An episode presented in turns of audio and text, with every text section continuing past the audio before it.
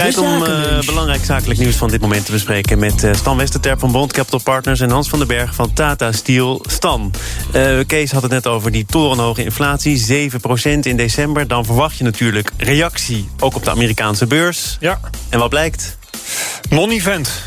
Een non-event, hoe kan dat nou? Maar uh, dit zagen we natuurlijk al een tijd aankomen. Dus die reactie is er al geweest voordat die daadwerkelijke cijfers uh, uitkwamen. We zagen eind vorig jaar, begin dit jaar al... dat uh, met name technologiebedrijven op de financiële markt... in ieder geval de aandelen daarvan flinke tikken hebben gekregen.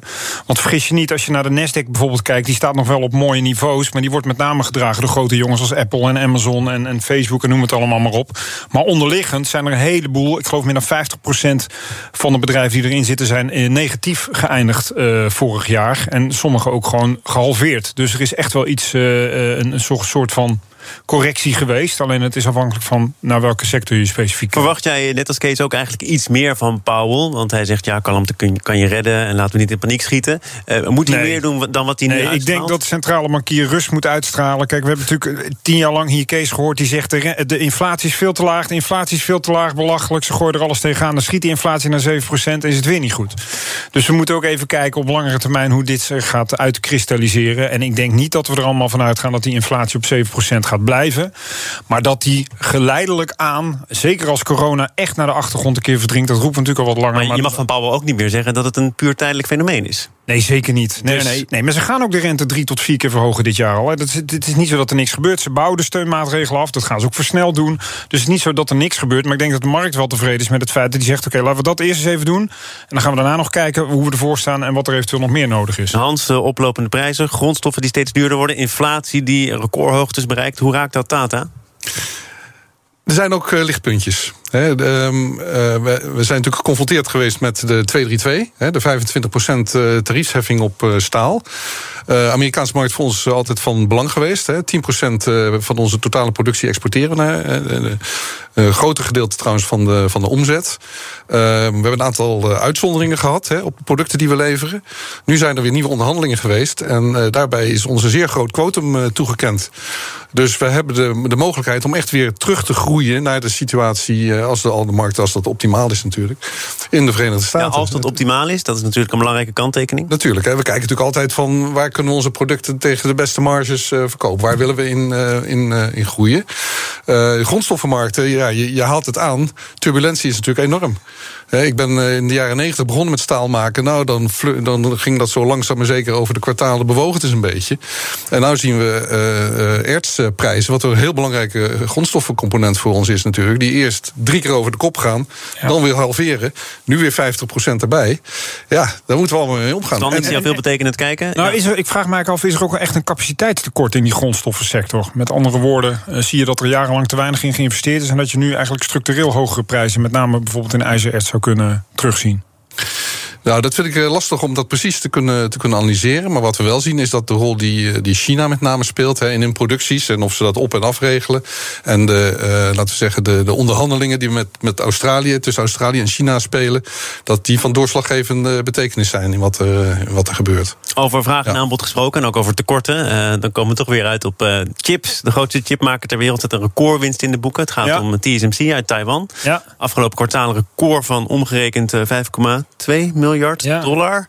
Uh, is dat dan toe te schrijven aan de nog altijd grote vraag als smartphone? Speelt er nog weer wat anders? Ja, zeker. zeker. Uh, dat geven ze eigenlijk ook aan. Hè, dat ook daar het weer gegroeid is. Inderdaad, de cijfers erbij. Netto winst 16% gestegen. Omzet bijna 6% gestegen. En ook uh, voorlopig nog geen eind in zicht van, uh, van de stijgende vraag. En dus stijgende cijfers. Maar dus ook concrete plannen om die productiecapaciteit op te schroeven. Ja. Zelfs ook in Europa. Ja, ze hebben al aangegeven dat ze op lange termijn 100 miljard willen investeren. Vorig jaar hebben ze, zeggen ze zelf, 30 miljard gedaan. Nou, daar profiteren natuurlijk onze bedrijven weer van. ASML en Beestje en zo, die staan vandaag ook allemaal weer bovenaan uh, het lijstje.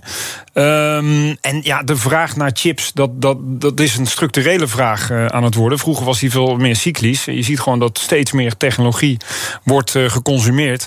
Um, en je ziet ook dat die investeringen, die enorme bedragen die er tegenaan gegooid worden, dat die wel op lange termijn dus ook dat, dat daadwerkelijk opleveren. En TSMC is inderdaad een wereldspeler op dit gebied. het enige probleem is dat de geopolitiek natuurlijk nog wel wat issues zijn met dit bedrijf chipbedrijf. Vandaar dat ze ook zeggen, we gaan meer offshore. Dus niet in Taiwan zelf, maar meer in Amerika en in Europa produceren. En, en als er sprake is van blijvende tekorten... biedt dat dan ook de gelegenheid om zoiets simpels te doen als een prijsverhoging doorvoeren? Nou, van inflatie zullen inderdaad chipbedrijven minder last hebben. Uh, in eerste instantie zijn ze vaak niet zo zwaar gefinancierd. Dus uh, oplopende rentes doet ze niet zoveel, fundamenteel gezien. Voor de aandelenkoers is een ander verhaal. Um, en daarnaast, ja, weet je, de vraag is zo groot. Dus je kan best een paar procent bovenop die, die chipjes gooien. Over uh, aandelenkoersen gesproken, een onderwerp dat jullie beiden hadden aangedragen. Namelijk de situatie waarin Philips zich bevindt. daar is het een en ander mis, ook al een hele tijd, met slaapopneuapparaten die giftige stoffen uitstoten en dreigen rechtszaken en de terugroepactie moet worden uitgebreid. Tegelijkertijd zijn er ook nog weer problemen in de keten en schuiven ziekenhuizen bestellingen voor zich uit vanwege de focus op corona. Hans, waarom had jij dat op je lijstje gezet? Nou, eigenlijk twee, tweeërlei. Uh, ik ben een Philips-teller. Mijn, va mijn, vader heeft uh, lang uh, voor, voor Philips gewerkt, dus ik volg het dan eigenlijk ook altijd nog wel met een bepaalde interesse. Met, met pijn in je hart op dit moment? Dan? Ja, dit doet natuurlijk, dat doet natuurlijk pijn, hè, maar ook de, ja, de hele manier waarop het bedrijf zich omgevormd heeft natuurlijk. Hè, dat is natuurlijk goed en interessant om te zien. Wij staan ook voor hele grote veranderingen in dat, in dat opzicht. Maar ik heb het vooral, wat, hoe ik dat lees, is natuurlijk, ja, hoe gaat dat nu met het vertrouwen? Het vertrouwen in het management, het vertrouwen in het bestuur. Hoe gaat het bestuur om met een dergelijke uh, uh, ja, crisis, uh, zou, je, zou je kunnen zeggen? En hoe wordt daar dan weer op gereageerd? Hè? Het is um, allemaal heel erg natuurlijk in de media, in de openbaarheid onmiddellijk. Beurzen reageren onmiddellijk. Ja, wat voor lessen zitten daar maar dat betekent voor dat alle jij, bestuurders dat eigenlijk betekent dat jij het ook kunt volgen. Wat vind je dan op dit moment van de reactie? Nou, ik vind het lastig om daar nou precies een, uh, een dacht, uitspraak ja, je, over te je, doen. Je natuurlijk. brengt het zelf naar voren. Maar dus. ik, wat, wat ik heb uh, geleerd zo de laatste twee jaar is uh, dat het ja, van belang is om, om snel openbaarheid van zaken te geven. Um, transparantie speelt daar een hele belangrijke rol in. snel doorpakken. Niet dat wij dat nou allemaal, allemaal doen hoor, als, als bedrijf voortdurend. Daar hebben we grote lessen in te leren. Maar je ziet heel duidelijk dat dat gewoon de, de trend is. En op het moment dat je daar ja, iets, iets niet doet, of dat de perceptie is dat je daar iets niet in doet, dan word je daar uh, behoorlijk ja. op uh, aangesproken. Als zelfs de perceptie al is dat er iets niet helemaal in de haak is, of niet helemaal in de openbaarheid wordt gebracht, dan heb je dus al een probleemstand. Nou, je moet in ieder geval niet het beter voordoen dan dat het is. Um, en daar later weer op terug moeten komen. Daar word je keihard op afgerekend natuurlijk. En het is ook niet zo dat, dat Van Houten kan zeggen... ja, mijn voorganger, ik bedoel, hij zit er inmiddels al meer dan tien jaar. Uh, dus ook over houdbaarheid kunnen we dan op een gegeven moment... daar worden daar automatisch vraagtekens bij gezet, uiteraard.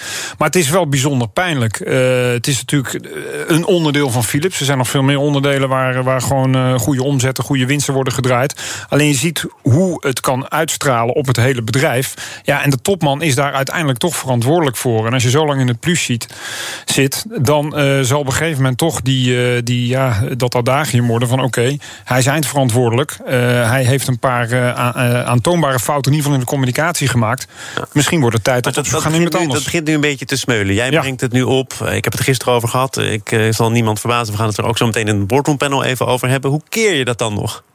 Als topman. Als topman? Of als je het nou ja, reden wil trekken als ik bedrijf? Ik denk laten zien dat je er gewoon echt bovenop zit. En een, een welgemeend mea culpa. Uh, zeker als je, als, je, als je de intenties hebt om te blijven. En als je dat niet hebt, dan zou je misschien toch uh, moeten gaan uitkijken inderdaad naar, naar de opvolger.